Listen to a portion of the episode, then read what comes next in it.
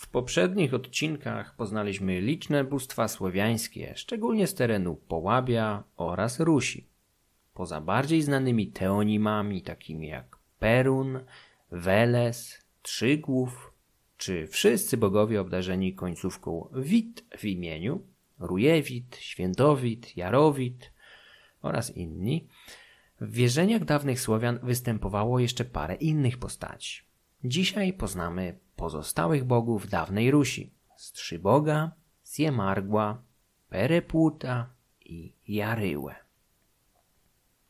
Zacznijmy od Strzyboga, który pojawia się już na kartach średniowiecznej powieści minionych lat Nestora, gdzie spotykamy to enigmatyczne bóstwo wciśnięte pomiędzy dać Boga i Siemargła. Latopis Nestora był dziełem tak ważnym, że przekazany przezeń Panteon Bóstw, tak zwany Panteon Włodzimierzowy, na stałe przeniknął do ruskiej literatury homiletycznej, to jest zajmującej się kaznodziejstwem. W licznych zachowanych do naszych czasów tekstach kazań z tego obszaru twórcy niemal zawsze odwołują się właśnie do listy bogów Nestora. Osobnym źródłem, które wymienia Strzyboga nie tylko z imienia, ale również zawodu, jest staroruski poemat poświęcony nieszczęsnej wyprawie kniazia Igora, o której wspominałem przy okazji omawiania Horsa. Autor słowa o wyprawie Igora, cytowany przez Gejsztora w jego mitologii Słowian, wprost nazywał wiatry strybożymi wnukami. Być gromowi wielkiemu, iść deszczowi strzałami od Donu, o ziemio ruska, już ci zeszła za góry. Oto wiatry, stryboży wnuki, wieją od morza strzałami na chrobre półki igorowe. Ziemia tętni, rzeki mętnie cieką, prochy pola przykryły, łopocą chorągwie. Jak widzimy, Strzybok jest tutaj dziadem wszelkich wiatrów niosących strzały. Sam wiatr zwany jest po prostu wyrazem stryj, co może mieć związek z rdzeniem stru, płynąć. Określenie wnuki strzyboga w innym miejscu odnosiło się nie do wiatrów, lecz do całej Rusi, co miało odpowiednik we wnukach dać Boga, terminie, którym określano ruskich książąt. Literatura nie jest jedynym miejscem, w którym lubi przebywać tajemniczy Strzybuk. Świadectwa jego bytności znajdujemy również w nazwach miejscowości, w dodatku nie tylko ruskich. Pod Skierniewicami leży wieś Strzyboga, zaś jeszcze w XIII wieku pod Tczewem płynąć miał strumień Stribog. Na samej Rusi pojawia się z kolei Striboże jezioro, co również nie wygląda na przypadek oderwany od mitologii. Wydaje się, że za środowisko Strzyboga możemy uważać sferę zjawisk atmosferycznych, co nie byłoby niczym zaskakującym, biorąc pod uwagę powszechny wśród ludów indoeuropejskich zwyczaj deifikacji tego typu procesów zachodzących w atmosferze. Geisztor wymienia kilka takich wiatrów, jak rzymski Vulturnus, czy indyjskie wichry Vata i Vaju. Ten drugi pojawiał się również w wierzeniach irańskich, których z czasem zaczął przyjmować cechy wojownika. Irański Waju stał się uosobieniem bóstwa wojny, zmarłych, urodzaju oraz dobrego i złego losu. W swojej wszechstronności zaszedł tak daleko, że utożsamiano go z siłą łączącą niebo i ziemię. Wśród bliższych nam kulturowo i geograficznie ludów spotykamy się z kultem wiatrów wśród Serbów i Bułgarów. Słowiański folklor znał całą masę wszelakich demonów związanych z wiatrem, o których mówiłem w odcinku poświęconym przestworzom. Dość rzec, że z wichrami najczęściej kojarzono groźne, prastare wiły. Czasami również, szczególnie w Bułgarii, samodiwy. Wiatrów lękano się, widząc w nich zagrożenie, stąd istniała praktyka rzucania w nie kamieniami i ostrymi przedmiotami, jak na przykład noże. W hasających wichrach widziano walczące ze sobą polne czarty i demony, które rozgonić i uspokoić mógł jedynie władca błyskawic. Obok zagrożeń niesionych przez wnuki Strzyboga, widziano w nich nieraz dusze ludzi, zwłaszcza tych zmarłych śmiercią nienaturalną, topielców, porońców, niechszczeńców, czy ludzi otrutych bądź rozszarpanych, przez dzikie zwierzęta. Cała ta gromada nieszczęsnych istot, które spotkał przedwczesny koniec, toczy ze sobą po śmierci niekończące się wojny i konflikty, których świadkami bywają niekiedy prości ludzie. Jakiś rok temu, sam osobiście wiosną wychodząc z lasu na otwartą przestrzeń pól, zobaczyłem coś, co dawni ludzie z pewnością uznaliby za demona. Dzień był wietrzny, a na polu, jakieś kilkanaście, kilkadziesiąt metrów ode mnie, uformowało się coś na kształt małej trąby powietrznej w wysokości człowieka. Kształt gnał po ugorze, rozrzucając liście i zeschniętą trawę, ale tak szybko jak się pojawił, tak też rozpadł się znikając. Jeżeli w młodości oglądaliście kreskówki z diabłem tasmańskim, co ja robiłem nagminnie, to na pewno pamiętacie, jak potrafił przemienić się w wir powietrzny. Strzybuk nie należy do teonimów pojawiających się w źródłach często, jak to ma miejsce w przypadku Swarożyca, Peruna czy Welesa. Jego obecność jest ledwo zaznaczona, ale wydaje się być bóstwem istotnym, chociaż niekoniecznie pierwszorzędnym. Być może był personifikacją sił tkwiących w wiatrach. Do tego jego występowanie nie musiało ograniczać się jedynie do Rusi, chociaż stamtąd pochodzą najważniejsze wzmianki o jego istnieniu w zbiorowej świadomości tamtejszych Słowian. Mógł być bogiem ostrego wiatru, powietrza lub huczącego wichru, jak chcieli niektórzy badacze. Przejdźmy teraz do kolejnego boga z kijowskiego panteonu Włodzimierza Wielkiego, którym będzie Siemargł. Ta postać od zawsze przysparzała mnóstwo problemów badaczom, bowiem w zależności od źródła, w jakim się pojawiał, występował albo jako Siemargł, albo jako dwa odrębne bóstwa Siem i Rgieł. Aleksander Geisztor był przeciwny rozdzielaniu Siemargła na dwa odrębne byty, widząc w nim ostatecznie patrona rodziny i domowego gospodarstwa. Miała o tym świadczyć analiza znaczenia jego imienia, składającego się z dwóch wyraźnych cząstek siem i rgieł. Siem można wyprowadzać od prasłowiańskiego siemia, rodzina. Ten sam wyraz dał początek tak znanym imionom jak siemomysł, ten, który myśli o rodzinie, czy siemowit, na przykład pan rodziny. Rgieł z kolei mógł pochodzić ze słowiańskiego rdzenia resz, oznaczającego żyto. Byłby więc Siemargł bogiem chroniącym nie tylko rodzinę, ognisko domowe, ale również gospodarstwo, bydło i zboże. Czyniłoby go to bóstwem wielozadaniowym, którego przychylność byłaby niewątpliwie pożądana w każdym obejściu. Rosyjska orientalistka Kamilla Trever już w latach 30. analizując folklor irański dokopała się do tajemniczego, skrzydlatego potwora o ptasim korpusie i psiej głowie Simorga, który opiekował się roślinami oraz urodzajem. Simorg, znany również jako Senmurf, Występował w folklorze ormiańskim, kurdyjskim oraz irańskim, często uczestnicząc w walce z prastarym wężem, bardzo popularnym motywem wielu mitów opowiadających o powstaniu świata. Demon ten łączył w sobie cechy ptaka, psa, a czasem także rybie łuski, co pozwalało mu roztaczać władzę nad powietrzem, ziemią i wodą. Simurg czasami pojawiał się na drzewie życia lub pierwotnej górze, a jego obecność w sztuce datuje się od czasów starożytnych Scytów zamieszkujących step pontyjski na północ od Morza Czarnego i Kaspijskiego. Pożyteczny demon pojawiał się potem w zdobnictwie sztuki sasanickiej, bizantyjskiej, ormiańskiej i wreszcie staroruskiej, w ten sposób zapewne torując sobie drogę aż do Panteonu Włodzimierza, gdzie zasiadł obok Strzyboga i Mokoszy.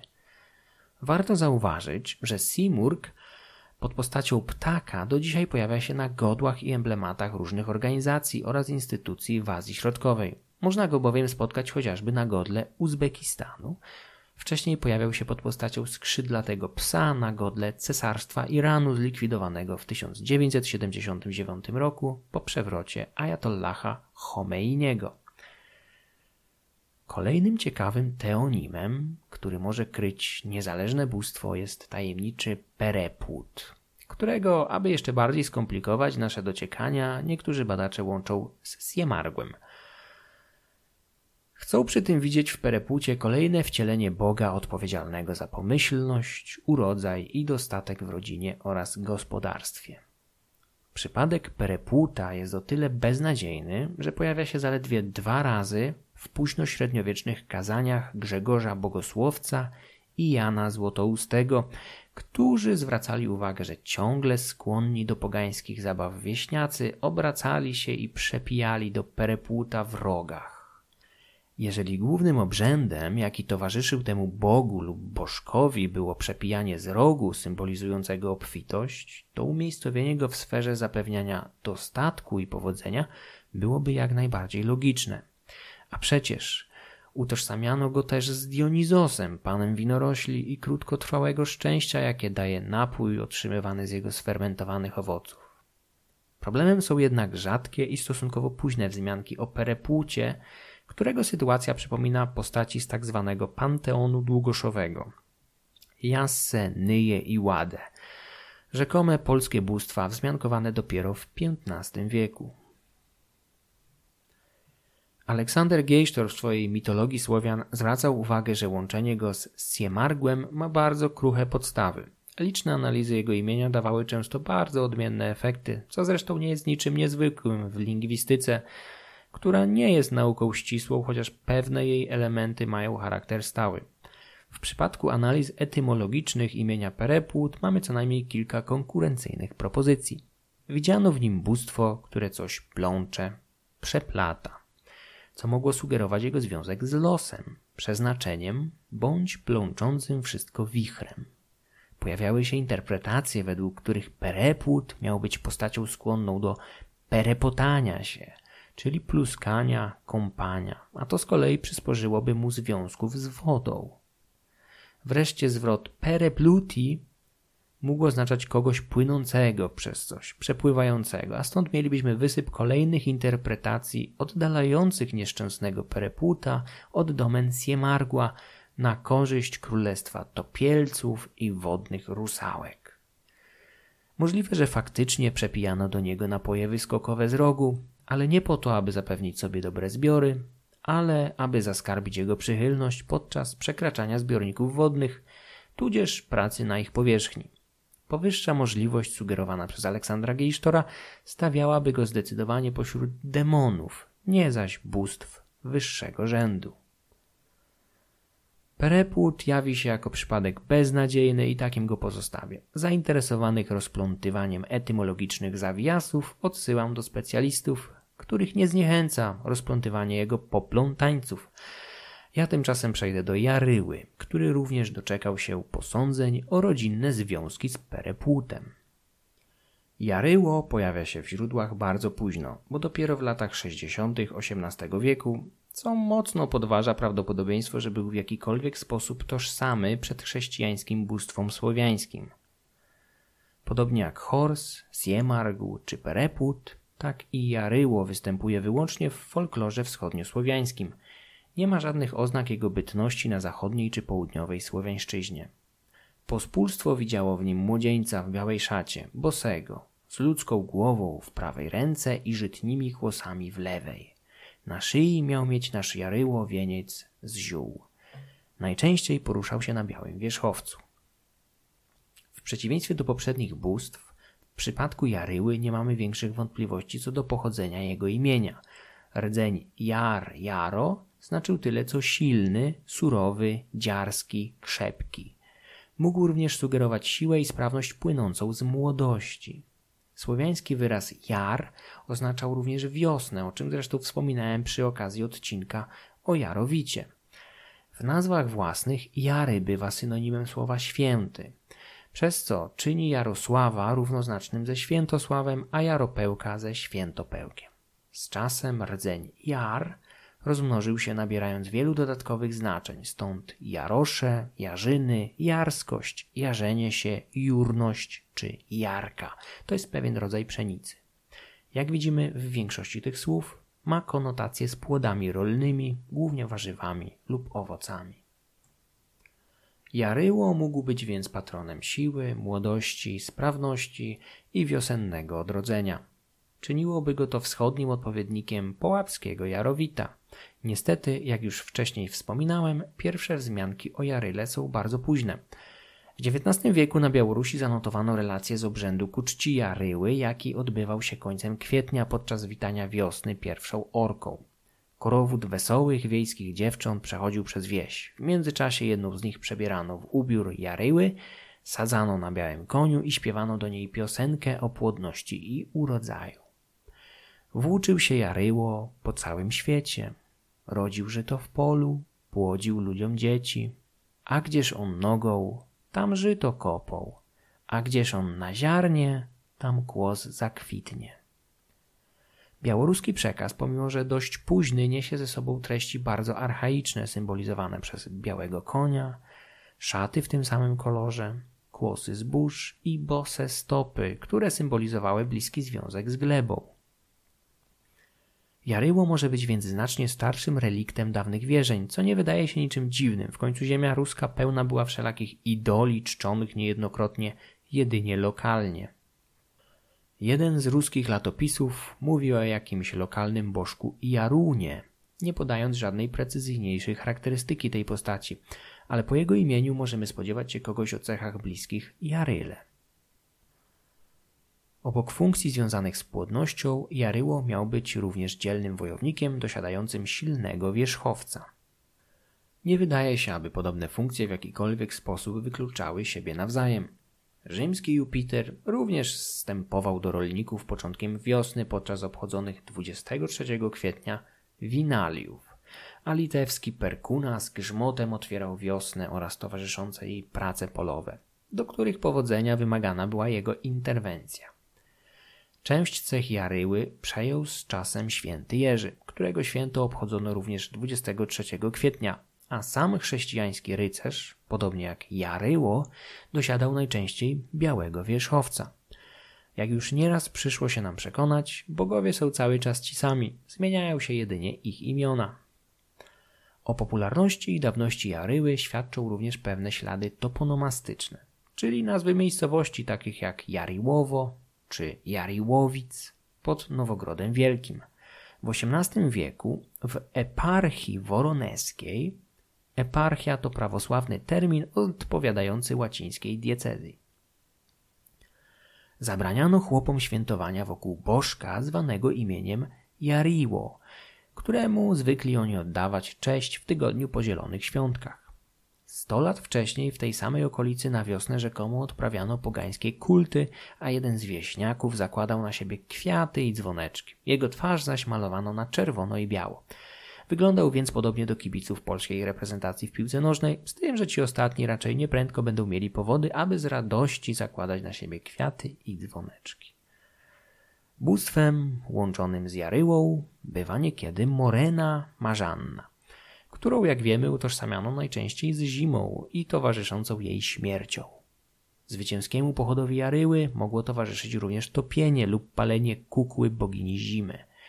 Sam Jaryło niejednokrotnie występował w postaci młodzieńca i starca. Mianowicie, pierwszy pokonywał i zastępował miejsce tego drugiego. Śmierć starego Jaryły, zabitego przez młodego następcę, którego za rok czekał ten sam los, był niczym innym jak echem prastarych obrzędów płodnościowych.